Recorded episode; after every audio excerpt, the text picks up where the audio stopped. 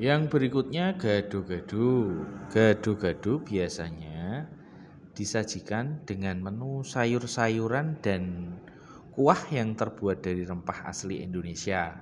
Ya, Pak. Jadi isinya itu sayur, terus ada telur, ada tomat, ada kol, terus pakai e, bumbu kacang ya atau sambal kacang yang pedes. Nah, kuliner khas Nusantara ini merupakan salah satu menu favorit di restoran di Indonesia.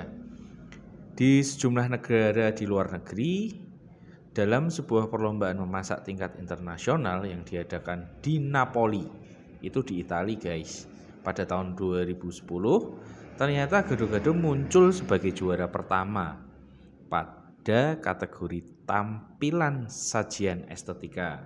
Jadi gado-gado itu bagus banget ya warnanya ada hijau, ada putihnya, ada merahnya ya. Buat kalian yang belum pernah ngerasain gado-gado, mangano gado-gado guys.